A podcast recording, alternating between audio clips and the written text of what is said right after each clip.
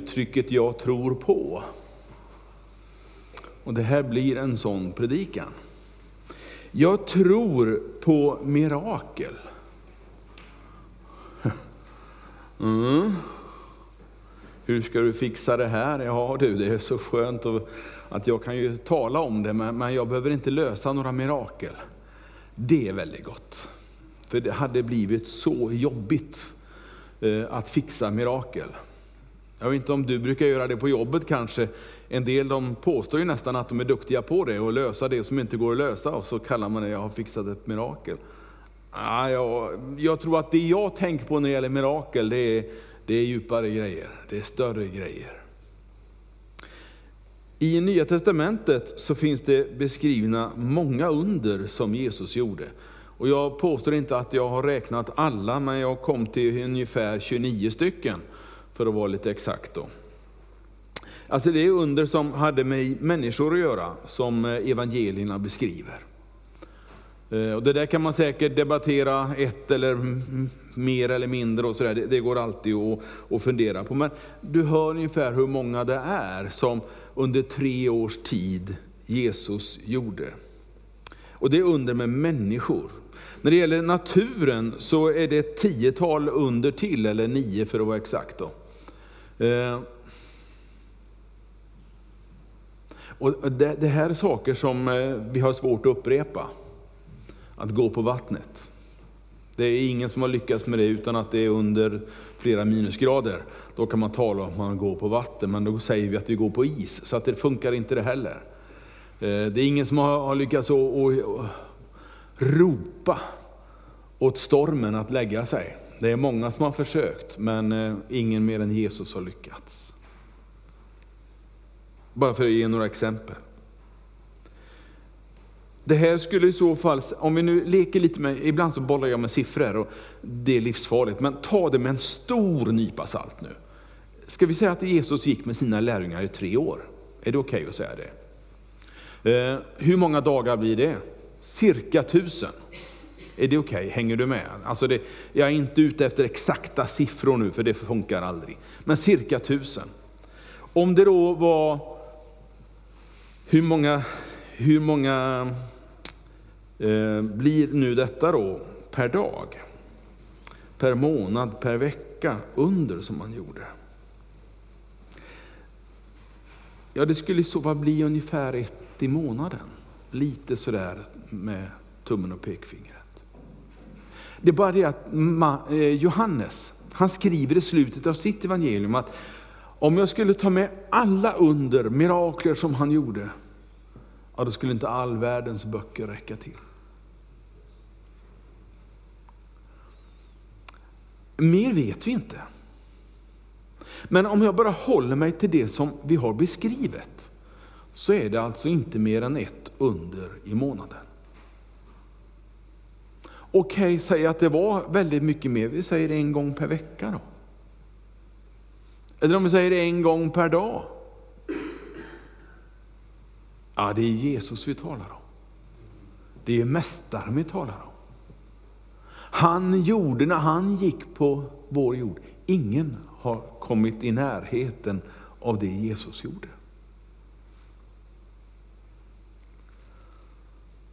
Men jag tänker försöka ändå att berätta lite grann om ett av undren. Om ett av miraklerna. Och jag tänker också bli lite personlig i slutet av min predikan, men det hoppas jag du överlever.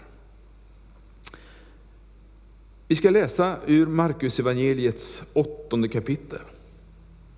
När Jesus botar en blind man. Verserna 25, 22 till 25. Och de kommer på väggen här bakom mig alldeles strax, om det inte redan finns där. Jaså, nej, det ville inte datorn. Nog för att tekniken ville, men datorn ville inte vara med. Men vilken tur jag har Bibeln med mig, så jag läser väl till då och du kan få gärna slå upp om du har möjlighet. De kom till Betesda, står det.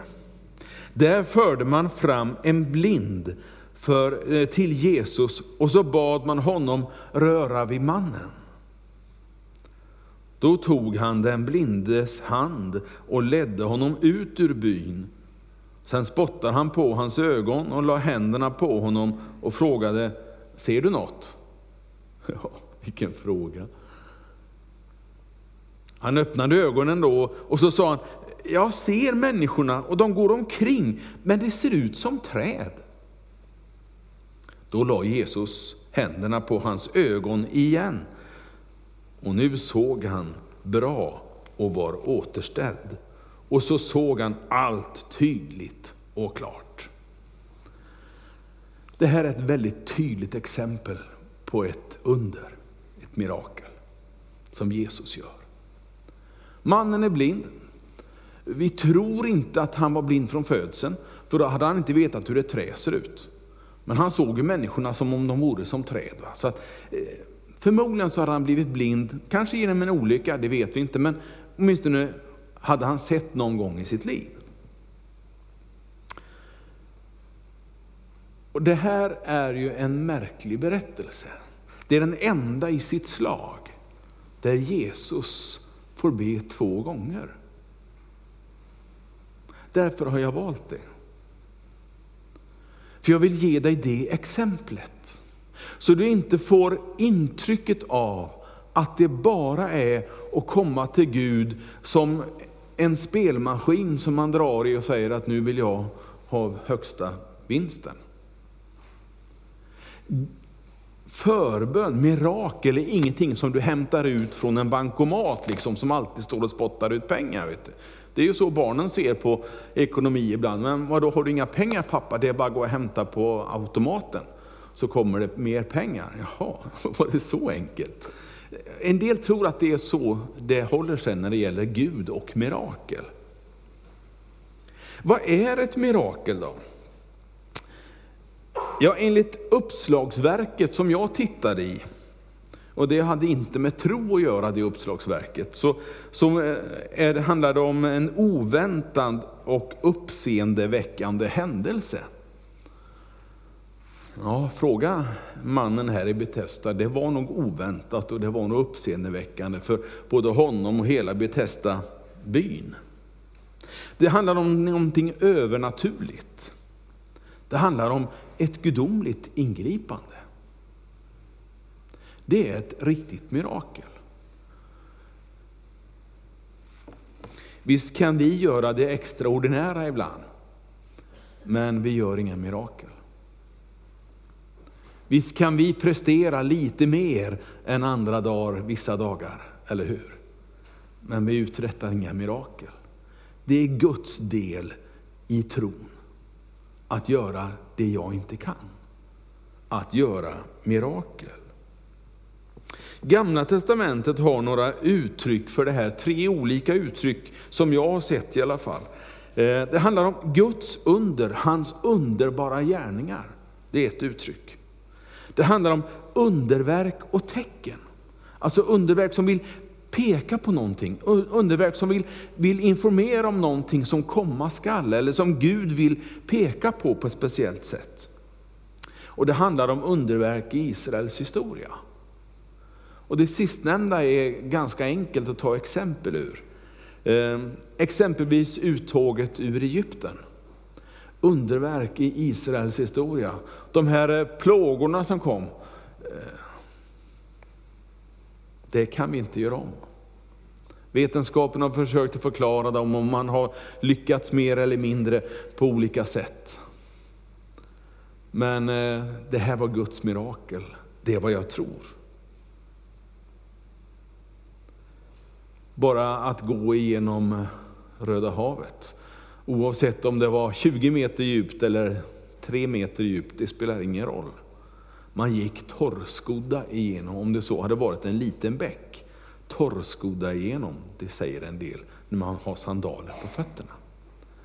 Jag lägger inga andra värderingar i det och konstaterar bara att här grep Gud in och gjorde någonting fantastiskt. Det ena var alltså den här första tiden, när, när eh, det var något väldigt speciellt. Israels folk skulle lämna Egypten. Då gjorde Gud under. Sen möter vi ytterligare samma tanke lite senare när, när kampen mellan Israels folk och avgudadyrkarna. För man hade slutit ett förbund med Gud vid Sina i berg. Gud, du ska bli våran Gud. Bara du Gud vill vi ära. Men man höll ju inte det där speciellt länge. Någon generation eller två och sen började man vackla. Och då kommer en man, en profet vid namn Elia. Och hans efterträdare som hette Elisa. Och Gud gör mirakel, Gud gör under genom de här två männen, rakt in i situationen. Bara undret på Karmel, eh, som Elia är med om. När han säger att, eh, ja, här, här är mitt altare, här är mitt offerdjur. Jag ska inte tända. Nu, ni som tror på andra gudar, här är ert. Ni får göra precis vad ni vill, men ni får inte sätta någon eld till offret, till veden. Ingenting. Ni får bete er hur som helst. Och han driver nästan med dem. Ni jobbar inte tillräckligt hårt. Kom igen nu, för ingenting händer. Kommer du ihåg berättelsen?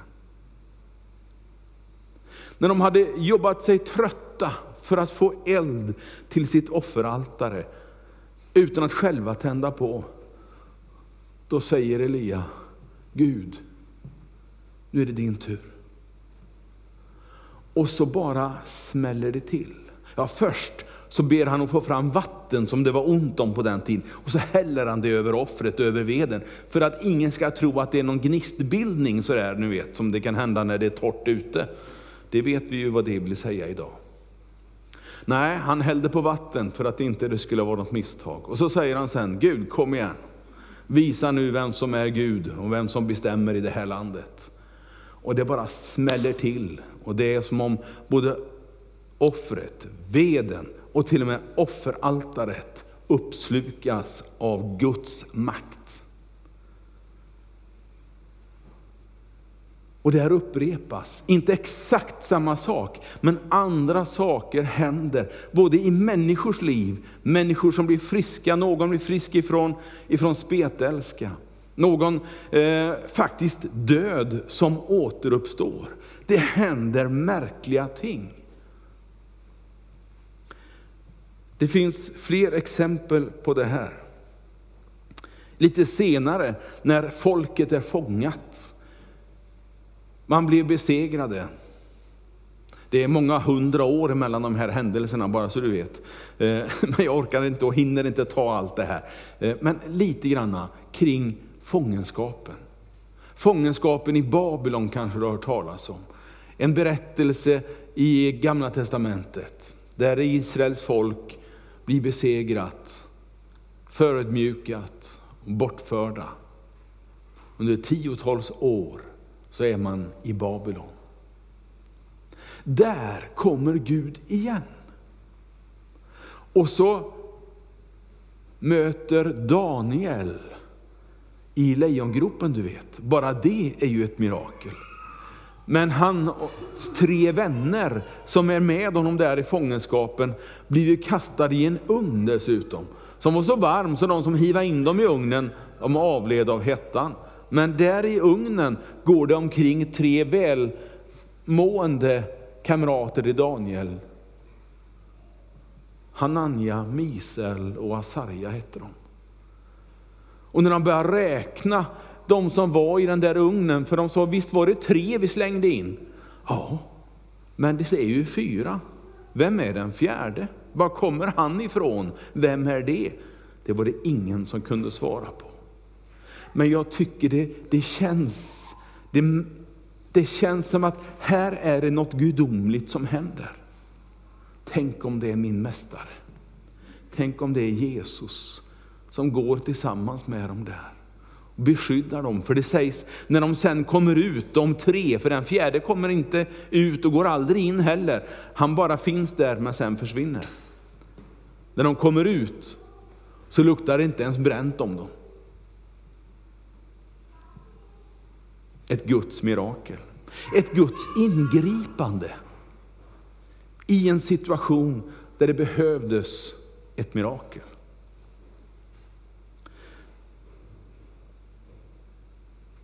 När vi sen kommer till Jesus, så är miraklerna som beskrivs i evangelierna, de här eh, 29-30 stycken, de har ändå en ganska central roll i berättelserna. Och ibland så lockas jag att tro att det här är vardagsmat. Det tror inte jag att det var. Jag tror inte att det skedde varje dag. Jag tror att det skedde när det behövdes. Det står att Jesus blev ibland upprörd, Jesus blev ibland, fick medlidande, speciellt, och, och liksom, han kunde inte möta de sjuka med vetskapen om att han kunde utföra ett under. Och därför så händer det så mycket runt omkring honom. Det kanske är ganska få av hans under och mirakler som vi har i vår bibelbok. Det kanske fanns många fler. Vi vet inte. Vi bara anar det Johannes beskrev. Att det skulle kunna fylla flera böcker med berättelser. Vad är det största undret som eh, vi läser om i evangelierna? Tänk efter lite. Du som har läst Bibeln i många år, här är ju många som har läst väldigt många år sin Bibel. Som har många år i söndagsskola. Hur många har eh, fem år i söndagsskolan? Haha, kolla vet du. Ja, var, var lite försiktig du för snart kommer det frågor vet du, på söndagsskolan. Nej, jag skojar med det bara. Många har hört berättelserna om Jesus. Vad är den största, det största undret som Jesus är med om? Nu har du fått fundera en stund, jag tänker inte be dig ropa ut vad du tror. och så här. Nej, det, det, det, gör jag inte. För jag har, en annan, jag har en annan version av det där lite grann. Det kanske inte är någonting som han möter någon sjuk människa. Det kanske inte är det där när han, när han eh, stillar stormen. Tänk om det är det du viskade nu, Louis. Vad var det du viskade? Ja, jag tänkte nog på avslutningen uppståndelsen. Eller hur? Vi, vi, kan ju fundera, det är lugnt Louis. Det, det, jag påstår inte att, att det här är det men när jag tänker efter så, att Jesus uppstår från de döda. När han liksom slutgör min förlossning, min förlåtelse, min framtid. När han säkrar döden på korset med uppståndelsen, när Gud reser honom upp. Det är för mig det häftigaste som Jesus är med om. För det får en sån fantastisk påverkan i mitt liv. Om inte uppståndelsen hade funnits, då vill jag påstå att då hade jag bara tro på en duktig och fantastisk mästare med många vackra ord som kanske gjorde ett och annat mirakel. Men det får inte sin trovärdighet förrän han uppstår från de döda. Det är det som liksom förklarar hur det var möjligt att gå på vatten. Hur det var möjligt att födas av en jungfru. Hur det var möjligt att eh, ordna synen för en blind man. Hur det var möjligt, ja jag skulle kunna räkna upp dem alla. Uppståndelsen är jätteviktig. Annars hade han dött förgäves på korset. När Gud reser honom upp och säger ett gott jobb, kom nu till mig så ska vi vara tillsammans för evighet. Och jag ska hjälpa de som tror på dig. Det är liksom berättelsens höjdpunkt. Berättelsernas höjdpunkt. Bartimeus, ja han hade ju blivit blind sa jag. Varför gör Jesus honom frisk? Jag skulle kunna ställa många frågor. Varför blir han inte frisk på en gång? Har du funderat på det? Jag har funderat mycket på det. Det står många gånger när Jesus ber så pang så öppnas och man hör. Eh, så reser han någon upp och de går. Det, det, det bara, men några gånger så, nej, här får han faktiskt be en gång till. Och ibland när jag möter människor som säger Bengt, kan vi be tillsammans? Jag mår inte bra. Kan vi be tillsammans? Jag vill att du ber för mig. För min sjukdom, för mitt det eller det eller det. Och då tänker jag ibland på den blinde. Och så brukar jag säga, du, ja visst det är klart vi ber. Jag har med mig oljeflaskan brukar jag säga, vill du jag ska smörja dig med olja? Den ligger här i fickan fortfarande nu någonstans, i någon ficka. Eh, så jag kan smörja dig med olja idag och vi kan be tillsammans. Här är oljeflaskan. För jag tror på mirakel. Jag tror på hans förmåga att fortfarande uträtta mirakel.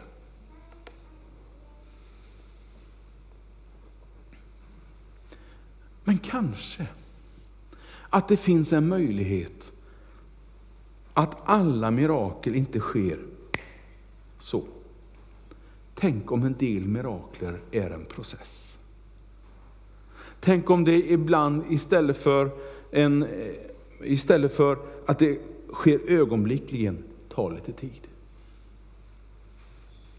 Det verkar ju så i det här fallet, till och med för Jesus, min mästare. Han som visste, han som kunde, han som på det sättet inte hade några begränsningar.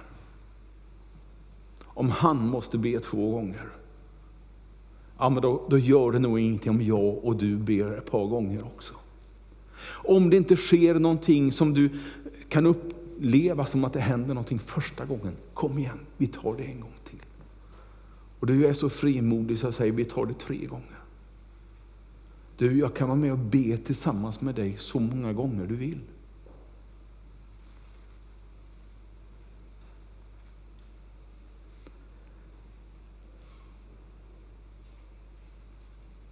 I Markus evangeliet, så lite längre fram i evangeliet, i sista kapitlet, så läser vi någonting märkligt. Låt mig få ta det också. Jag tror vi har det på bild, eller har du, du har inte lyckats få snurr på det där kanske? Och så bara läser jag det precis som det står.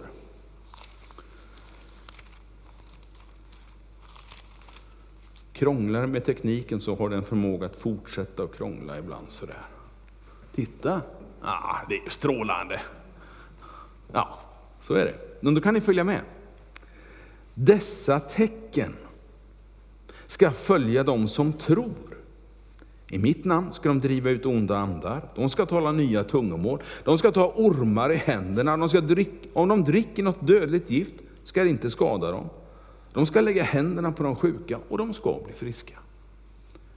Det är ganska starka ord. Det vill till att leva upp till det här Bengt Richter. Nej, du, det, det är inte så det funkar. Det är inte jag och du som ska leva upp någonting. Det är Jesus. Det är Jesus. Det här ser jag som en uppmuntran att be för människor. Jag ser det som en uppmuntran att våga tro att det händer någonting.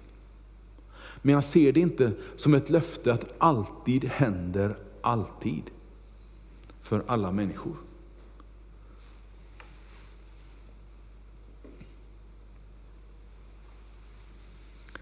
Det var inte lika många under i apostlagärningarna som det var i i eh, evangelierna.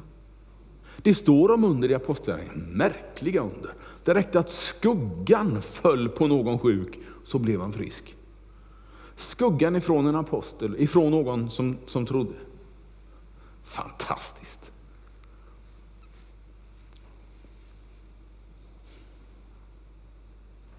När under inte kommer, när det inte händer, vad gör jag då? En jättesvår fråga. Vi måste tänka några minuter på den innan jag säger amen. För ett antal år sedan, slutet på 90-talet, så fanns det två makar i den här församlingen som blev jättesvårt sjuka. Och jag vet en församling här som bad. Stämmer det? Ni bad mycket. Ni bad ofta. Ni bad länge. Inte två månader, utan förmodligen flera år. Stämmer det?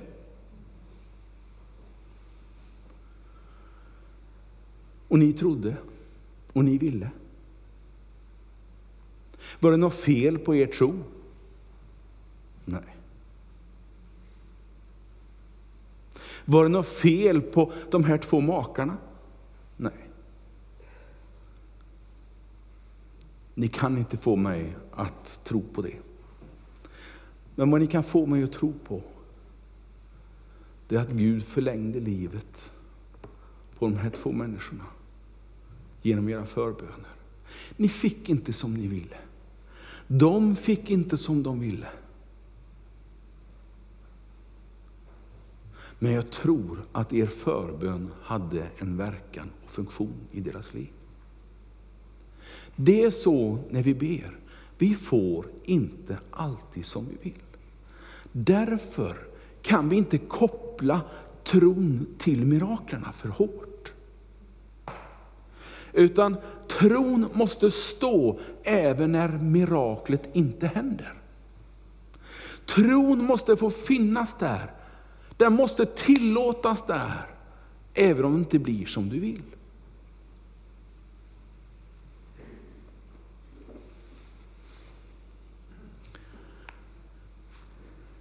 De flesta av er var också med och be för mig hösten 2017. Kanske flera som började be redan på våren 2017. När jag gick ut med min cancersjukdom. En sjukdom som leder till döden. Om den inte åtgärdas. Nu hade jag möjlighet med läkare och deras hjälp. De kunde operera. Men det som hände på hösten sen, det kunde de inte lösa. Utan de sa, vi får vänta och se. Till Ingrid sa de, du, vi räknar timmar nu. Det är kritiskt. Och jag vet en församling som bad. Jag vet en församling som bad i dagar. Jag vet en församling som bad i veckor. Jag vet en församling som höll ut länge. Och jag vet att den ni bad för står här framför er idag. Är jag bättre än makarna som dog på 90-talet? Nej. Är Gud annorlunda nu än då? Nej. Men kan du förklara vad skillnaden är? Nej. Men min tro vacklar inte på grund av det. Och det är min bön, att när det inte sker, för jag får inte alltid som jag vill. Men jag tror att er förbön höll mig vid liv. Jag höll på att säga håller mig vid liv.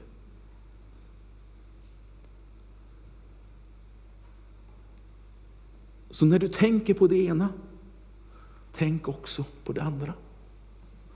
När du tänker på dina egna misstag och tillkortakommanden, tänk också på att du gör gott ibland. Låt dig inte få liksom nedtryckas av dina dåliga erfarenheter av livet, för det har vi allihop. Livet bara smackar på ibland och vi bara står och fattar ingenting. Vi fattar inte vad det är som händer, varför det händer och varför det händer mig. Men ibland så är det som det blinkar till av någonting gudomligt i ditt liv. Och Gud griper in och gör ett mirakel. Jag ser min höst, jag ser det där året som ett långsamt mirakel. En process där Gud använde dig som bad. Där Gud använde läkarnas kunskaper, skalpeller och eh, uthållighet. För de kunde inte heller förklara ganska mycket av det de såg. De fattade inte. Men de sa, du har någonting som håller dig uppe. Du har någonting som håller dig på gott humör. Ja, jag vet. Ja, vi har hört dig berätta om din tro. Ja, det är den och min församling, sa jag. Jag tror på mirakel. Jag tror att ibland så sker det bara sådär, bara knäpper med fingrarna så händer det någonting. Och det måste inte knytas bara till att någon blir frisk. Det kan också knytas till att någon får ett förändrat liv. Någon börjar leva ett nytt liv. Någon får en, en ny inriktning i livet, där man lämnar flaskan, där man lämnar drogerna, där man lämnar det destruktiva i sitt liv och börjar leva ett nytt liv. Ett mirakel. Jag tror på mirakel. Jag tror på er förbön. Jag tror på en församling som ber. En församling som ber att Gud ska gripa in. Det finns en kraft och en möjlighet i det. Jag vet inte hur du upplever den här predikan. Du kanske tänker, ja du, det var inte mycket till tro du predikade idag. Och så tänker du på andra mycket bättre predikanter som predikar stark tro och som gör att du går därifrån och tror på allt. Jag har också mött dem. Några av dem har jag mött. Men jag har också mött deras, de människor som inte blev friska från de mötena. Och jag har pratat med dem. Och jag har försökt att trösta. Jag har försökt förklara. Jag tror att vi måste ha en nykter syn, ursäkta uttrycket, på vad mirakel är. Mirakel är ingenting som jag gör. Det är ingenting som jag kräver. Det är någonting jag är med om. När Gud gör någonting. Och han uppmuntrar dig och mig att be. Att inte ge upp, utan be. Det händer ingenting, säger du i Sverige. Det händer bara där. Och så är det någonstans långt borta. Det händer visst i Sverige. Det är bara att här är det så många som vill förklara varje mirakel med någon medicinsk företeelse eller med någon naturlig företeelse. Så att till slut så tröttnar folk på att berätta. Man vågar inte berätta. Men det, jag brukar tänka så här, och det här blir det sista jag säger nu, jag lovar det. Jag tänker så här, om jag ber till Gud, Herre hjälp mig med det här. Om det är ett mirakel som behövs eller om det är eh, en, eh, en svår uppgift. Då tänker jag så här, om jag har bett och så blir det så. Då har jag två sätt att se på det. Det ena är, vilken tur. Det andra är, tack gode Gud att du grep in. Om det då är så att Gud inte grep in, gör det någonting då om jag ärar honom i alla fall? Nej, det kan det ju inte göra. Men om Gud griper in och jag säger, det där var bara tur. Det blir inte bra. För jag vill ge Gud äran för det som sker i mitt liv.